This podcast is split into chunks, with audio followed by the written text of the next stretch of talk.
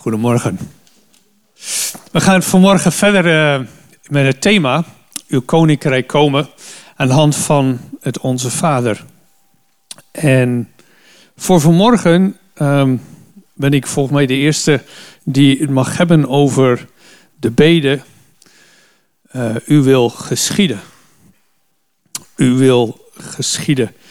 En um, ik ben er deze week best wel heel wat uren mee bezig geweest. Meer dan, dan uh, normaal. En ik moet zeggen, ik ben heel veel tegengekomen. Tegelijk dacht ik, het is zo simpel. Het is eigenlijk zo eenvoudig. Dus ik heb heel erg geworsteld met over wat ik vanmorgen met jullie zou delen. Um, want of het is heel veel, of het is heel weinig. En in beide gevallen hoop ik dat ik het juiste doe en het juiste zeg. Dus als het te veel is, willen jullie mij te vergeven. Als het te weinig is, willen jullie het aanvullen. En um, als het goed is, willen jullie God danken en eren. Ik wil beginnen met het lezen uit het Oude Testament, Psalm 40. En ik doe mijn bril erbij op.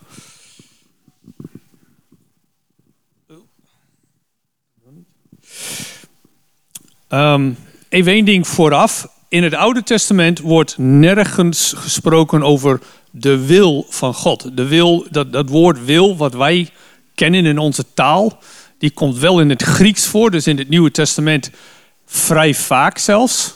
Dus in het, dus in het Nieuwe Testament gaat zoeken naar de wil van God, dan kom je zomaar een uh, enkele tientallen teksten tegen. Maar ga je zoeken in het Oude Testament, er is eigenlijk maar één, en dat lezen we dan in Psalm 40. Um, ehm, maar het woord wil staat er eigenlijk niet. In het Hebreeuws staat er verlangen. Desire in het Engels. Dus Gods verlangen voor ons of ja, gewoon zijn verlangen. Um, we gaan lezen Psalm 40, vers 6 en 7. Hoe heb jij? Ja, oh, ik kijk hoe we daar. Nee, er moet ook nog uh, 8 en 9 bij komen. Dus ik weet niet of uh, Levi hem op de beamer heeft. Of dat hij hem heel snel erbij kan plakken. Heel snel. Eh, dit is namelijk dit is een van die psalmen waar de versen verspringen. En dan hangt er maar net welke vertaling je hebt. Dus ik had uit de MBG-vertaling 6 en 7 gevonden. En de MBV moet je dus 7 en 8 hebben. Of 9, 7 tot 9. Dus nou ja, we gaan proberen hoe snel Levi kan. Ik begin toch wel bij vers 6, want dat hebben we alvast op de beamer staan. Veel wonderen hebt u verricht veel goeds voor ons besloten, Heer mijn God.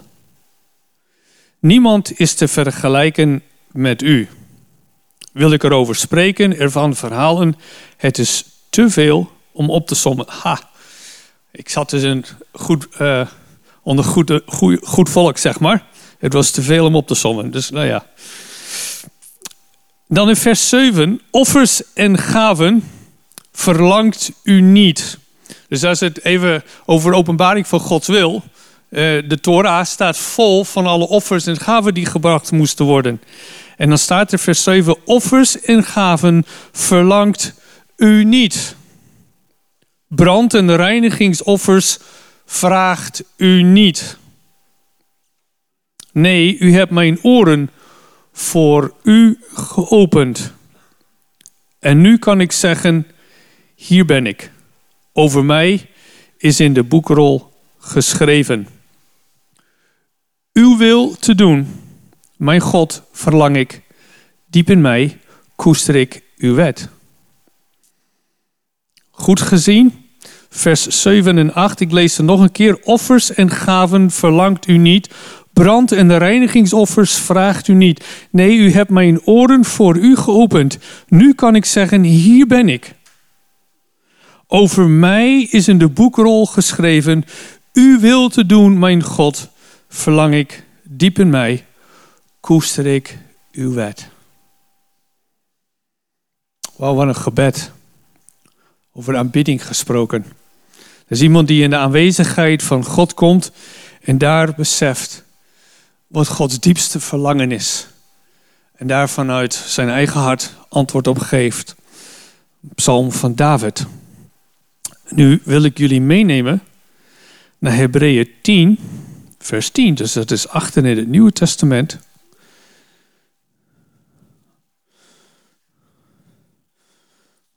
Hebreeën 10, vers 10.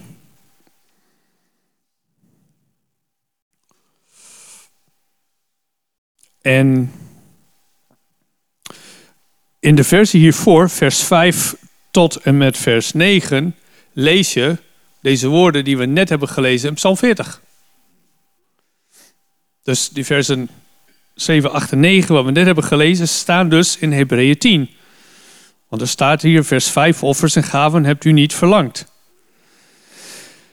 En dan staat er in vers 10, op grond van die wil, dus hier ben ik om uw wil te doen, op grond van die wil zijn wij voor eens en altijd geheiligd door het offer van het lichaam van Jezus Christus. Dit is een cruciale tekst um, waar ik er zo meteen ook weer op terug wil komen. Maar dat we zien dat de wil van God in Christus is volbracht. Op grond van die wil zijn wij voor eens en altijd geheiligd door het offer van het lichaam van Jezus Christus. Dan gaan we, is allemaal, dat is, uh, dat is de ene kant ervan, zou je kunnen zeggen. En nou voor de andere kant gaan we naar 1 Petrus 2. 1 Petrus 2, de versen 9 tot 17. 1 Petrus 2, dus dat is een paar bladzijden verder. De versen 9 tot 17. En dan schrijft de apostel Petrus: U bent een uitverkoren geslacht. U bent een koninkrijk van priesters. Ik, dit is een van de favoriete teksten van mij, de Bijbel. Ik heb er een heleboel, maar dit is er ook één. U bent een uitverkoren geslacht. U bent, niet u moet zijn, nee, u bent een koninkrijk van priesters. U bent een heilige natie. U bent een volk dat God zich verworven heeft om de grote daden te verkondigen van Hem, die u uit de duisternis heeft geroepen naar Zijn wonderbaarlijk licht. Eens was u geen volk, nu bent u Gods volk. Eens viel Gods ontferming u niet ten deel, nu wordt Zijn ontferming u geschonken. Geliefde broeders en zusters, u bent als vreemdelingen die ver van huis zijn. En ik vraag u dringend niet toe te geven aan zelfzuchtige verlangens die uw ziel in gevaar brengen. Leid te midden van de ongelovigen een goed leven, opdat zij die u nu voor misdadigers uitmaken, door uw goede daden tot inzicht komen en God eer bewijzen op de dag waarop Hij komt rechtspreken. Dus eigenlijk tot nu toe hebben we gekeken naar het verleden, het volbrachte wil van God. Petrus heeft het al over hoe wij vandaag moeten leven, geeft allemaal aanwijzingen. En tegelijk, in deze woorden, gaat over de toekomst. Door uw goede daden, dat mensen door uw goede daden tot inzicht komen en God eer bewijzen op de dag waarop hij komt rechtspreken. Erken omwille van de Heer het gezag van de bestuurders, ook een pikante tekst in deze tijd. Erken omwille van de Heer het gezag van de bestuurders die door de mensen zijn aangesteld, van de keizer, de hoogste autoriteit, en van de gouverneurs die hij heeft afgevaardigd om misdadigers te straffen en om te belonen wie het goede doen. God wil namelijk dat u, God wil, wat is nu de wil van God? God wil namelijk dat u door het goede te doen onwetende dwazen de mond snoert. Leef als vrije mensen. Verschuil u niet achter uw vrijheid om u te misdragen, maar handel als dienaren van God. Houd iedereen in ere. Heb je broeders en zusters lief. Heb ontzag voor God en eerbiedig de keizer. Zo. Dat is dus de wil van God. De wil van God. Wie heeft daar wel eens mee geworsteld? De wil van God. Oké. Voor degenen die de handen nog niet hebben, jouw tijd komt wel. Um, de wil van God. Ik kan uh, een aantal voorbeelden uit mijn eigen leven noemen. En ik heb heel erg uh, zitten dubben welke voorbeelden ik zou noemen. Want ik heb er diverse uh, tientallen voorbeelden. En waarin ze kunnen zeggen dat ik niet helemaal begreep wat verstaan moest worden onder het wil van God. Um, ik was 19 jaar, ik werkte op de boerderij en um, ik was redelijk vervlochten met het gezin van de boer. En um, ik was op een gegeven moment niet helemaal eens met hoe de boer handelde in het algemene zin, maar ook ten opzichte van zijn kinderen. En aangezien ik 19 was en alles wist en alle antwoorden had en me als een kruisvader voerde, voelde, um, schreef ik een brief naar de boer en zei van ik distancieer me van jou als mijn baas, maar ik ga mijn werk wel blijven doen. Want, ja, let op, ik had als beleidenistekst op 17-jarige leeftijd meegekregen, Colossense 3 vers 23, wat u ook doet, doe het van harte alsof het voor de Heer is en niet voor de mensen. Dus ik dien de Heer en niet de boer. Nou, er waren wat dringende gesprekken voor nodig om dat weer recht te breien. Dat kan je je voorstellen. En waarin ik moest leren inbinden. Uh, fast forward tot ongeveer een, iets meer dan twintig jaar geleden. Ik in een um, lastige relatie kwam met uh, mensen die mij heel dierbaar waren. Um, en daar zat best wel een conflict onder achter. En ik was aan het worstelen en ik, ja, ik wilde dingen duidelijk maken, et cetera. En toen op een gegeven ogenblik werd ik bepaald bij het gebed van Franciscus. Um, die ik als tiener al geleerd had in Ontario. Uh, Lord, make me a channel of your peace. Ook een prachtig lied van gemaakt. Hier maak mij werktuig van uw vrede. En heb ik vaak gebeden, overigens een gevaarlijk gebed. Dus als je geen gevaarlijke dingen in je leven wil, bid dit gebed niet. En dan staat er in het tweede gedeelte van dat gebed: Laat mij er naar streven, niet dat ik geliefd word, dat ik lief heb.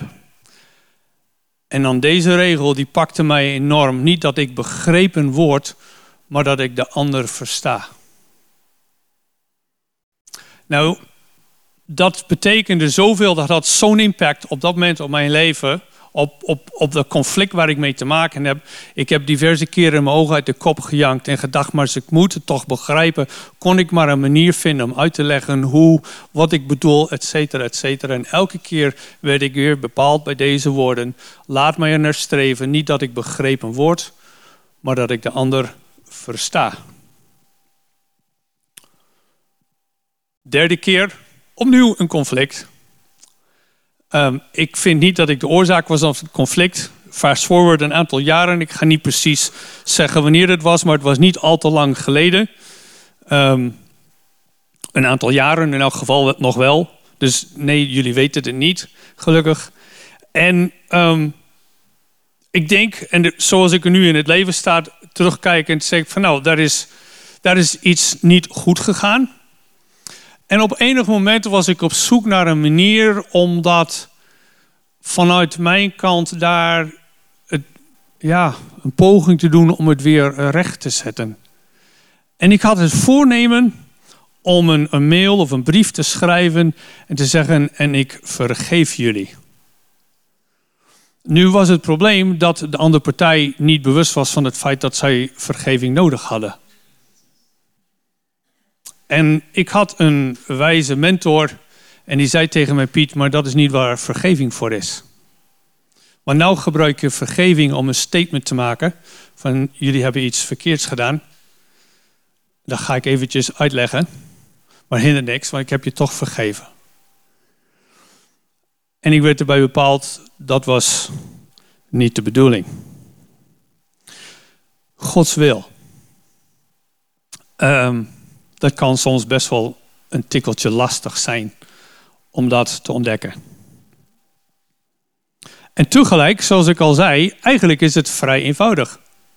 Als je teruggaat naar het Oude Testament, uh, ik heb alleen maar gerefereerd. We hoeven natuurlijk het boek Leviticus en Numeri in de tweede helft van Exodus niet helemaal te gaan lezen, want dan is de tijd hier gauw vol. En na tien minuten vallen jullie waarschijnlijk ook nog allemaal in slaap of we moeten koffie gaan uitdelen. Maar daar wordt uitvoerig gesproken over wat God wil, wat God verlangt van het volk Israël in het brengen van offers. Uitvoerig tot in detail wordt er gesproken hoe, over hoe het volk omgaat met zonde en heiligheid en gerechtigheid. Niet alleen in offers, maar ook in rechtspreken en noem maar op. En als we daar nou moeten kijken, dan kunnen we alleen maar constateren door de geschiedenis heen dat dat eigenlijk zo'n beetje haast onuitvoerbaar was. Totdat we die woorden tegenkomen in Psalm 40, waar iemand zegt, en psalmist zegt dat het, dat het David is, die zegt, heer, die reinigingsoffers en die, al die brandoffers, dat is niet wat u eigenlijk hebt verlangd. Dat is niet waar, waar u eigenlijk, dat, daar gaat uw hart niet naar uit de liefelijke geur, wat dan vaak genoemd wordt in Leviticus. Maar u hebt mij open oren gegeven. En hier ben ik om uw wil te doen. Uw wil te doen. Er zijn twee plekken in het Oude Testament waar die eigenlijk heel kort wordt samengevat. Eén, de wil van God doen. Dat is de, de beleidenis van Israël uit Deuteronomium 6. Hoor Israël, de Heer onze God, de Heer is één. En gij zult de Heer uw God liefhebben met heel uw hart, met heel uw ziel en met al uw krachten. God liefhebben. Dat is zijn wil, dat is zijn verlangen, kan je zeggen. Of, en velen van jullie kennen hem misschien wel, Micha 6 vers 8. Er is zelfs een, een gedichtje, heb ik ooit geleerd. Geen, geen vers van grotere wijsheid en meerder kracht dan Micha 6 en wel vers 8. Het is een gedichtje van mijn oma. En wat staat er in Micha 6 vers 8? Nou had ik hem hier, ik doe het in het Engels, ik doe hem eventjes zoals ik ken. Maar de Heer heeft u bekend om mensen wat goed is en wat Hij van u verlangt. Namelijk niets anders dan recht te doen, getrouwheid lief te hebben en noodmoedig te wandelen met uw God. Zo simpel. Recht doen, getrouwheid, or to love mercy, staat er in het Engels. To do justice, to love mercy, and to walk humbly with your God. Nou, waarom kijk ik nu naar het Oude Testament? Want als we kijken naar het gebed dat Jezus ons leert, dan staat er over de wil uw wil geschieden in de hemel, zo ook op aarde. Uw wil geschieden. Het is, een, het is een verlangen dat datgene wat God wil, dat dat ook gebeurt, dat dat uitgevoerd wordt, dat dat plaatsvindt, dat dat zijn uitwerking heeft. U wil geschieden in hemel, als ook op aarde. En als je, ik denk dat het, het woord wat dat het beste omschrijft, waar, het hier uh, moet gebeuren, dat is alignment. Uitlijnen. En vandaar dat ik ook terugga in het verleden en ik, dat weten jullie van mij, kan er niet onderuit. Ik kom dan bij het beeld van een auto terecht. Want een auto moet namelijk uitgelijnd worden. Als je dat niet doet, dan gaat het dus niet goed. Op zijn best slijt hij je banden verkeerd en kost het je wat extra brandstof. En in het ergste geval, dan uh, hang je aan het stuur aan één kant, terwijl de auto de andere kant uit wil, krijg je kramp in je armen en denk je hoe eerder ik van die auto af ben, hoe beter het is. En ik heb ook dat meegemaakt. Ik heb een aantal jaren geleden een Volvo V40 en um, hij reed redelijk goed. Hij trok een beetje. En op een gegeven moment dacht van ja, hij moet wel eens een keer uitgeleid worden. Ik had bij de plaatselijke garage laten doen. Die had de voorwiel recht gezet. Klaar, je gaat weg. En het was maar niet over. Uiteindelijk ben ik naar een echte uitlijnbedrijf gegaan. We noemen geen namen, want dat is sluikreclame. Maar het was Euromaster. En die zei maar meneer, uw achteras moet ook uitgeleend worden. Want moderne auto's, en vooral als ze wat duurder of gecompliceerder worden, die kunnen dus bij de achteras ook uitgelijnd worden. Je wielen moeten recht, niet terecht, niet, of juist wel. Elke type auto heeft zijn eigen waarden daarin. Als wij het wil van God willen verstaan, is het dus nodig dat we uitgelijnd worden op de hemel.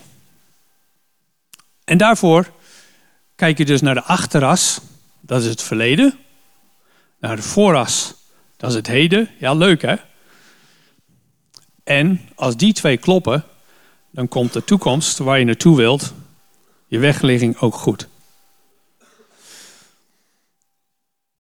Dus terug naar dat achteras, terug naar het verleden, terug naar die, dat uitlijnen van Gods wil, zoals het al tot stand is gekomen of al geopenbaard is. Nou, daarvoor hebben we het hele Oude Testament en eigenlijk is, kan je dat heel goed samenvatten met de woorden: Doe dit en gij zult leven.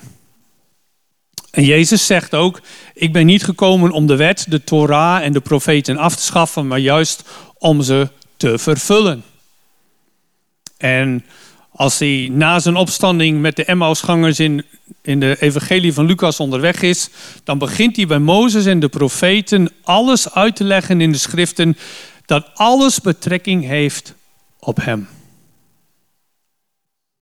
Daarom heb ik ook met jullie Hebreeën 10, vers 10 gelezen.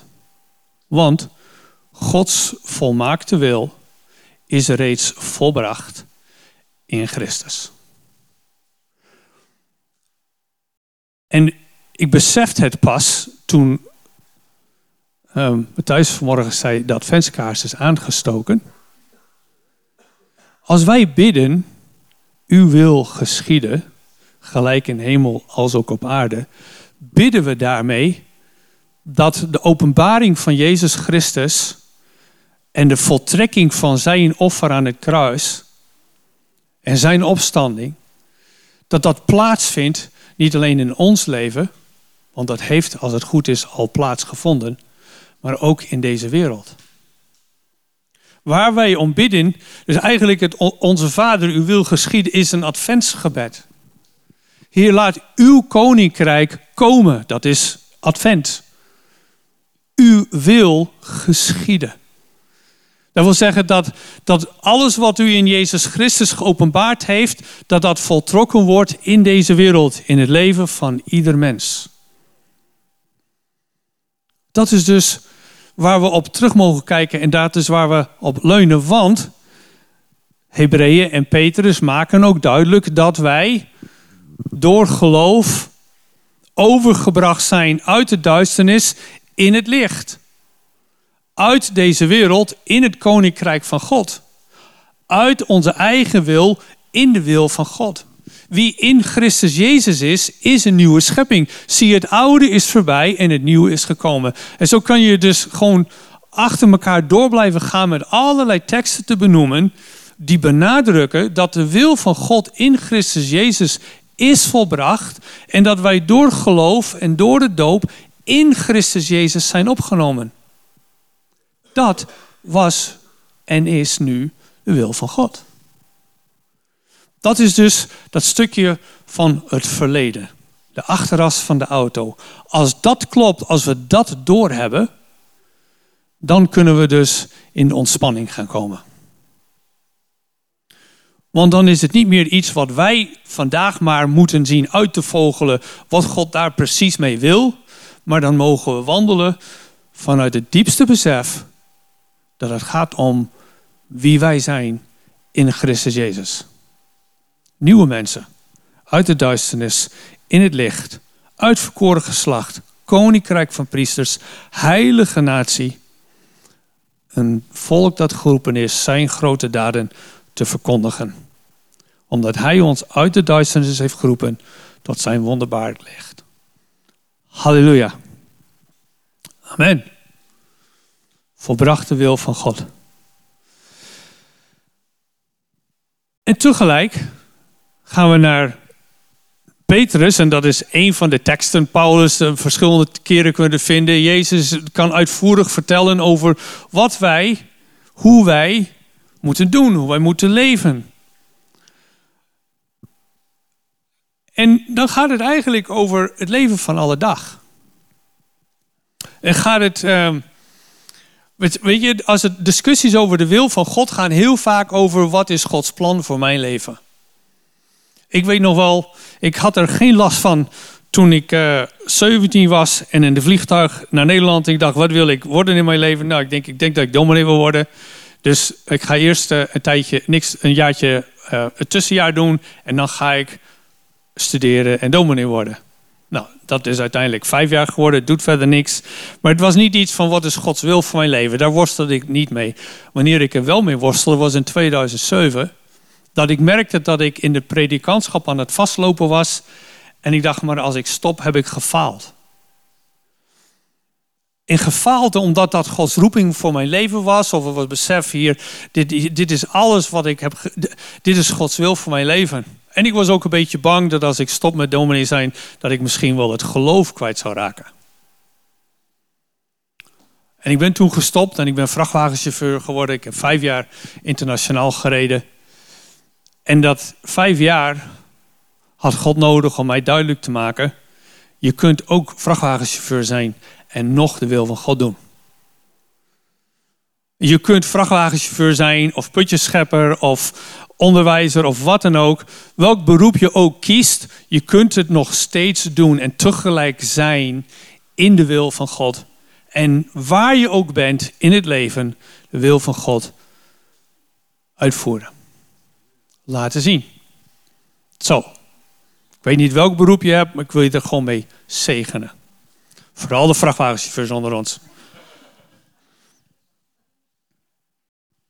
Het gaat er niet om het beroep die je kiest. Het gaat niet over ehm, of je de juiste levenspartner kiest. Welke vrouw was nu van God of man was, heeft God nu voor mij bestemd. Maar heb ik door dat het huwelijk Gods plan is voor mensen in deze wereld. Heb ik door dat als ik getrouwd ben, dat de persoon tegenover mij of naast mij, dat dat iemand is die ik door dik, dik, door dik en door dun mag steunen. Ook als, het, als ik dat juist best lastig vind. Een begin van ons huwelijk um, dacht ik af en toe dat Nettie wellicht niet helemaal de juiste persoon was voor mij.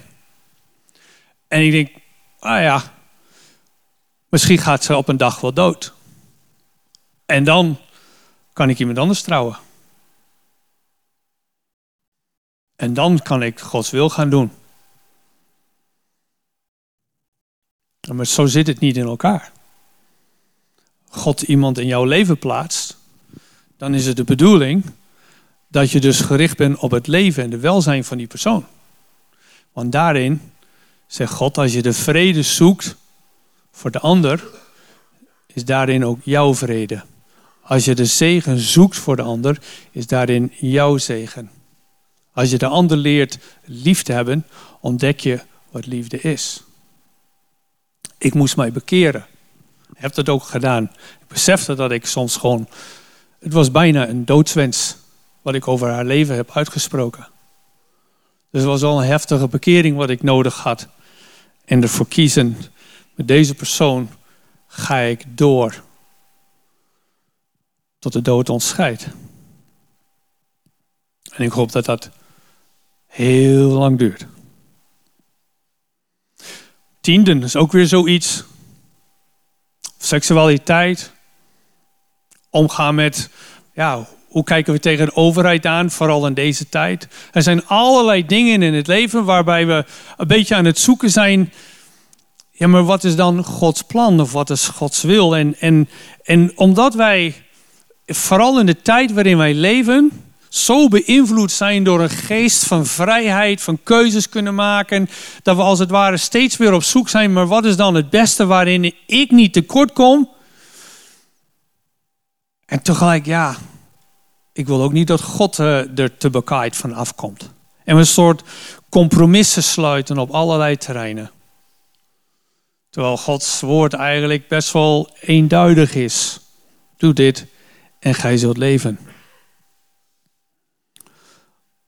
Nou, Petrus die zegt in dit stukje, die, die beschrijft een aantal dingen dat hij zegt, dat is hoe je nu hoort te leven. Zo laat je nu zien dat dat volbrachte werk van God in Christus Jezus, zijn volbrachte wil, zijn uitwerkingen al heeft in jouw leven.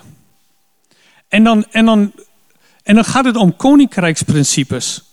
Leid te midden van de ongelovigen een goed leven. Geef niet toe aan zelfzuchtige verlangen. Um, erken omwille van de Heer het gezag van bestuurders die door de mensen zijn aangesteld. Probeer dus niet begrepen te worden, maar probeer de ander te verstaan. Kijk niet of er iemand van jou houdt, maar van wie mag jij gaan houden? Aan wie mag jij Gods liefde tonen? En als jouw onrecht wordt aangedaan, probeer dan niet je recht te halen, maar vergeving te tonen, allereerst in je hart. En als het ter sprake komt en de ander zegt, dat ging niet helemaal goed, zeg joh, het is al vergeven. Dat is het heden. Het verleden is, Gods wil is volbracht. En als we terugkijken, kunnen we precies zien wat het was. En dat Jezus dat alles heeft vervuld. Het is ook in Romeinen 8 dat, dat, dat Paulus zegt dat wie in Christus als het ware, door, doordat, doordat God ehm, de zonde in het lichaam van Christus aan het kruis gedood heeft en wij met hem zijn opgestaan tot een nieuw leven, dat al Gods gerechtigheid vervuld wordt in ons. Eigenlijk zegt het Nieuwe Testament op heel veel manieren, het, het kan niet misgaan. Het kan niet misgaan. Dus, dus wees daar ontspannen in, in het zoeken naar de wil van God. Wees daar ontspannen in. Want wanneer jij je hart aan de Heer hebt gegeven, wanneer je zegt maar, Heer, ik wil uw koninkrijk zoeken en uw gerechtigheid bovenal, wat in de bergreden staat vlak voor onze Vader. We hebben vorige keer ook naar gekeken. We zoeken uw koninkrijk en uw gerechtigheid. Dan zal al het andere op zijn plek komen. Alles zal recht komen, zei Van Bredero. Ik heb een uh, boek vanmorgen meegenomen. Een boek dat, uh, van Jerry Sitzer, een voorganger uit Amerika. Uh, het boek heet Waar Gods wil is, is Gods weg. Waar Gods wil is, is Gods weg. En er was een boek dat is niet zomaar een beetje uit zijn hoofd geschreven. Want deze man um, heeft enkele jaren daarvoor is zijn vrouw en zijn dochter en zijn moeder uh, kwijtgeraakt in een auto-ongeluk. Die werden frontaal aangereden door een dronken automobilist. Hij en zijn andere drie kinderen raakten in het ziekenhuis. Maar zijn vrouw en zijn moeder en zijn dochter overleden. En hij had al gekozen om niet geneeskunde te studeren, maar om predikant te worden. Dus hij dacht, ik heb toch echt wel de wil van God gedaan. En ja, hij schrijft hier, ik heb lang geworsteld met hoe dat nou zit met de wil van God.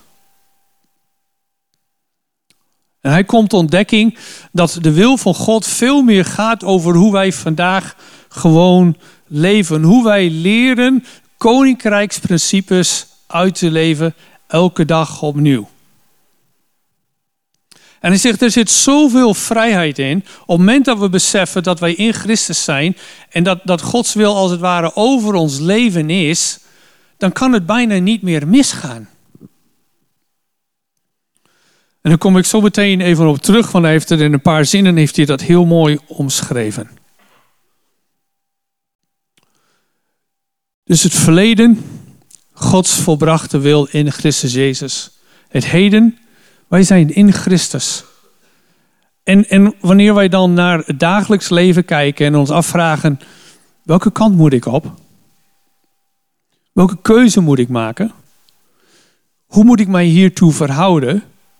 En op dat moment Christus centraal staat en je dat beseft en je daarnaar verlangt, dan zegt God, maar dan ben je al in mijn wil. Ik wil dat je daar op die manier naar kijkt, dat je op zo'n manier in het leven staat, dat je in alles Christus wil eren. En dat is een leerproces. Maar het is niet alsof je dan soms wel en soms niet, ehm, zou je kunnen zeggen, goed bezig bent. En als je dan niet goed bezig bent, dan ben je als het ware buiten Gods wil. Ja, dan gaat het natuurlijk helemaal mis. En dan is het leven een soort, ja, dat ging niet goed. Dus of, of ik, we hebben tegenslag of pech in het leven. En een soort straf op het feit dat we gewoon Gods wil niet hebben gedaan. Verkeerde keuze gemaakt. En God straft ons dan. Een discussie die met sommige christen best wel hoog kan zitten. Dat is niet hoe God met ons om wil gaan. En dat is niet wat hij van ons vraagt. Wij mogen leven vanuit de belofte. En die belofte, als we bidden, uw wil geschieden in de hemel als ook op aarde. Als we een verlangen naar die uitleiding, die alignment tussen Gods wil in de hemel en Gods wil op aarde, dat die twee in elkaars verlengde liggen, dan mogen we er ook op vertrouwen als dat ons verlangen is en het gebed van ons leven, van ons hart, dat God dat ook aan het uitwerken is. En dan kom je dus in het beeld van de toekomst. Want Gods wil gaat ook over de toekomst. Gods wil gaat niet alleen over welke sok ik draag vandaag en welke beroep ik kies en wie mijn partner is. Maar Gods wil gaat voor de schepping. Gods wil gaat voor de mensheid. Gods wil gaat voor de mensen die dreigen verloren te gaan. Gods wil dreigt voor de mensen die op dit moment in eenzaamheid verkeren en Jezus Christus niet kennen. Die geslagen zijn door het leven. Die liefde nooit gekend hebben. Gods wil is dat zij Jezus Christus leren kennen. En daarvoor zet hij onder andere zijn gemeente in. En dus die toekomst, ook die ligt in Gods hand. En als het, als het verleden en het heden, als we daarin uitgelijnd zijn op Gods wil, dan, heeft hij, dan mogen we erop vertrouwen dat Hij de toekomst veilig stelt en ons leidt naar zijn plan. Niet alleen ons persoonlijk, maar ook zijn, zijn lichaam, de gemeente, de kerk en deze wereld. Een prachtig uh, zin die ik tegen ben gekomen bij Jerry Sitzer, waarin hij dat samenvat. Dat is deze, bladzijde 45. Wanneer wij op een kruispunt komen waar geen borden staan om ons de weg te wijzen. Als we dus op een kruispunt komen waar geen borden staan om ons de weg te wijzen, dan hebben wij de vrijheid om onze eigen keuze te maken. Dan heb je de vrijheid om je eigen keuze te maken. Het vertrouwen dat God met ons mee zal gaan. En de zekerheid dat onze beslissingen zijn wil worden. Vind het zo mooi hoe hij dat eindigt. De zekerheid dat onze beslissingen zijn wil worden. Eigenlijk zegt Sitzer, Sitzer met die zin, met die woorden, is dat wanneer wij dus uitgelijnd zijn op God, wanneer we eh, de komst van zijn koninkrijk verlangen, bidden om het uitlijnen van zijn wil in hemel en op aarde, dat wanneer wij zo leren leven, naar dingen kijken, dat, dat waar we ook zijn en welke weg we ook gaan, dat dat als het ware een uitwerking is van dat gebed. Dus waar je ook bent, en of je nou predikant bent of vrachtwagenchauffeur, of dat je dokter bent of, of onderwijzer of noem maar op. In al die omstandigheden, al die plekken, in je huwelijk, in je gezin, daar Gods wil tot stand wordt gebracht. Daar, wij zijn als het ware de dragers van Gods wil. Wij zijn de uitvoerders, wij zijn de vertalers. Wij maken die vertaalslag dat van, van wat, wat God in Christus gedaan heeft, dat mogen wij elke dag opnieuw um, doen. Het, Gods wil krijgt gestalte in ons leven, van dag tot dag. En eigenlijk is dat precies waar we om vragen. Als we zeggen, uw wil geschieden in de hemel, zo ook op aarde. Zo samen bidden.